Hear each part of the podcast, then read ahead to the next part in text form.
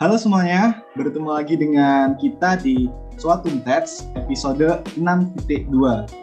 Nah, sebelumnya perkenalkan nama saya Wildan Deni Faresi dari Prodi Pendidikan Teknik Informatika. Nah, dalam podcast kali ini kita akan membahas materi mengenai pengembangan silabus dan RPP.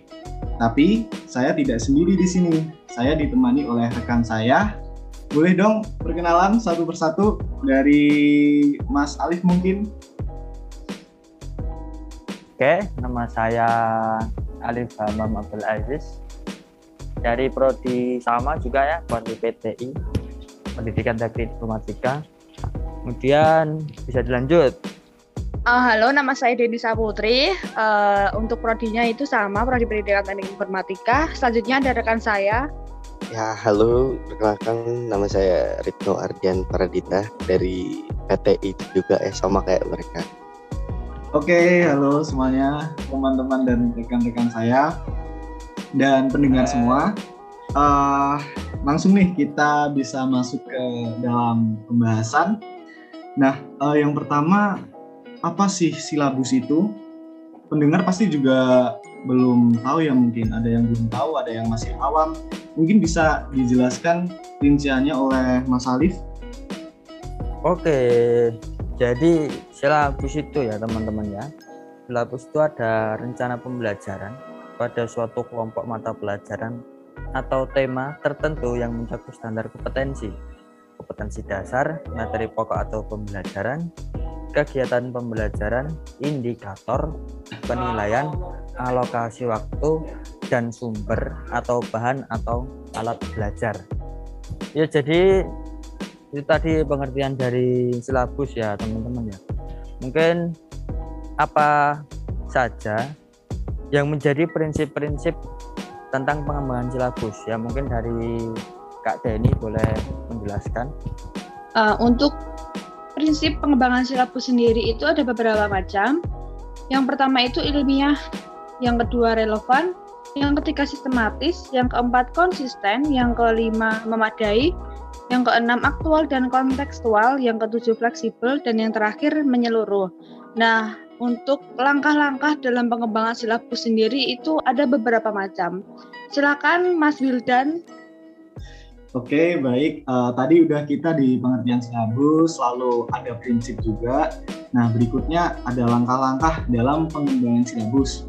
Uh, menurut saya dalam materi, setahu saya itu langkah-langkahnya ada beberapa uh, bentuk, yaitu yang pertama kita dapat mengkaji standar kompetensi dan kompetensi dasar.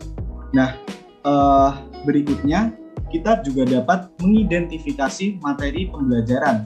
Jadi kita identifikasi rincian detail materinya sehingga kita bisa mendapatkan materi yang lebih luas Nah, untuk yang ketiga, kita dapat mengembangkan kegiatan dalam pembelajaran.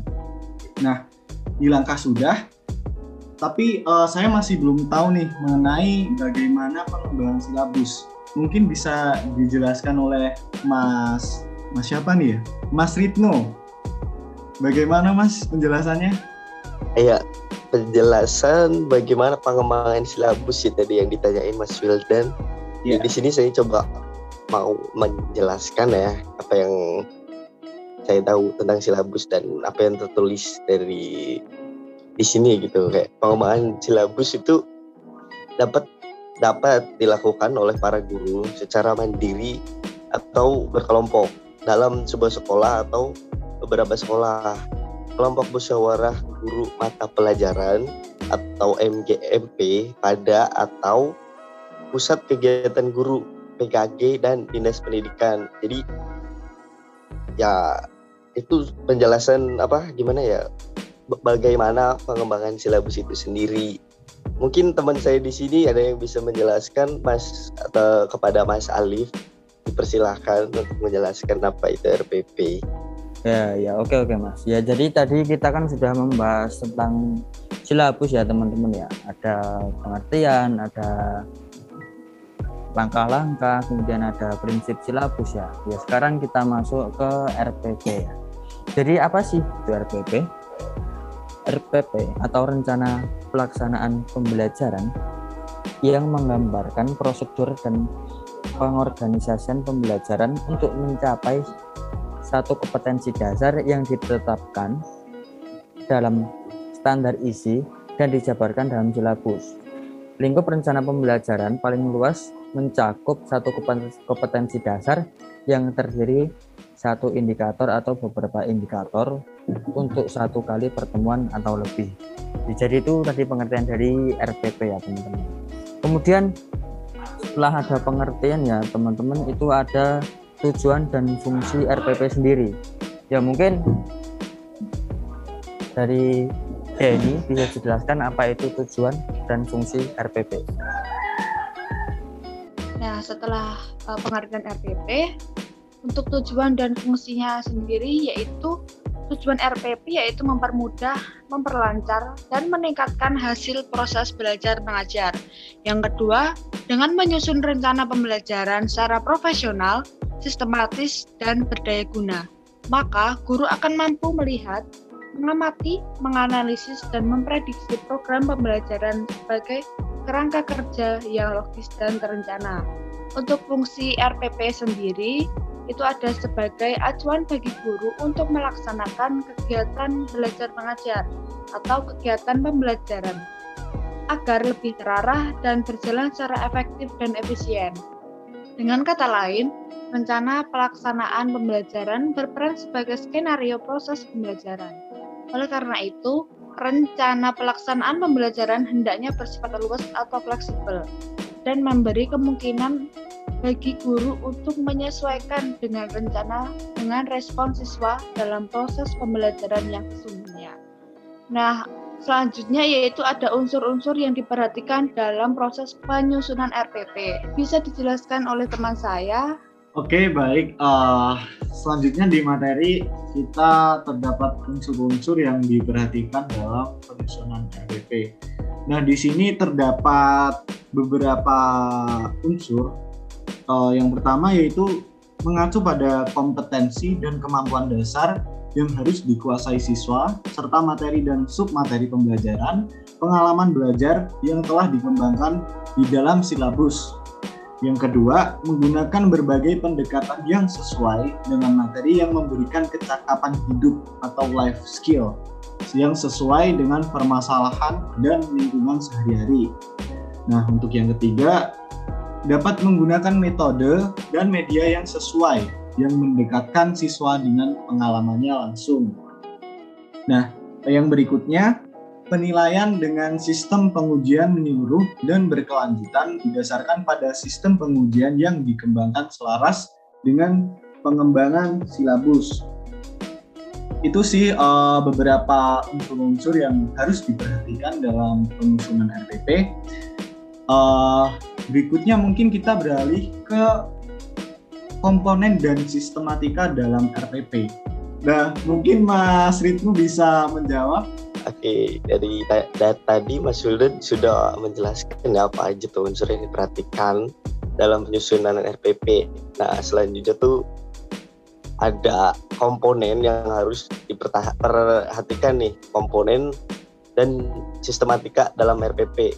Nah, yang pertama tuh ada tujuan pembelajaran, ada materi pembelajaran, metode pembelajaran, sumber belajar, dan penilaian. Oh, Siap Mas. Jadi mungkin komponen dan sistematika dalam RPP seperti itu ya. Terus aku juga belum tahu nih Mas, uh, bagaimana langkah-langkah dalam penyusunan RPP itu seperti apa ya Mas? Ah, nah kalau buat langkah-langkah dalam penyusunan RPP itu sendiri ada terbagi beberapa juga. Yang pertama tuh ada identitas mata pelajaran, standar kompetensi dan kompetensi belajar, indikator, materi pembelajaran, tujuan pembelajaran, strategi skenario, pembelajaran, sarana dan sumber pembelajaran, dan yang terakhir itu penilaian dan tindak lanjut. Nah itu buat buat langkah langkah dan penyusunan RPP itu sendiri, guys. Jadi buat yang selanjutnya tuh ada yang perlu diperhatikan lagi kayak yang selanjutnya bakal dijelasin sama Mas Wildan nih. Oke, uh, makasih Mas Ritno atas jawabannya. Nah, uh, berikutnya mungkin dari teman-teman kita akan membahas seberapa penting sih silabus dan RPP dalam pembelajarannya. Nah, uh, dalam proses ini pendidikan adalah proses yang bersifat terencana dan sistematik.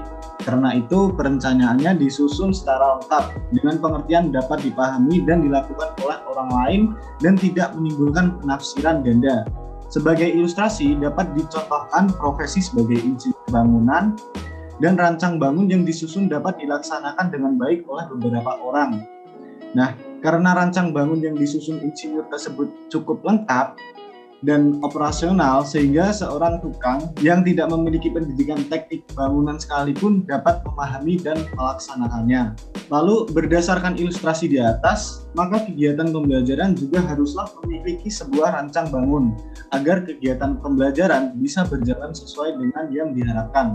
Rancang bangun tersebut berbentuk sebuah perencanaan dalam kegiatan pembelajaran, perencanaan itu berupa silabus dan rencana pelaksanaan dalam pembelajaran dan RPP. Uh, eh, mungkin cukup sekian pembahasan podcast dengan tema pengembangan silabus dan RPP. Bila ada kurangnya dari kami, kami mohon maaf yang sebesar-besarnya. Sampai jumpa di episode suatu Tets berikutnya. Salam dari kami dan terima kasih.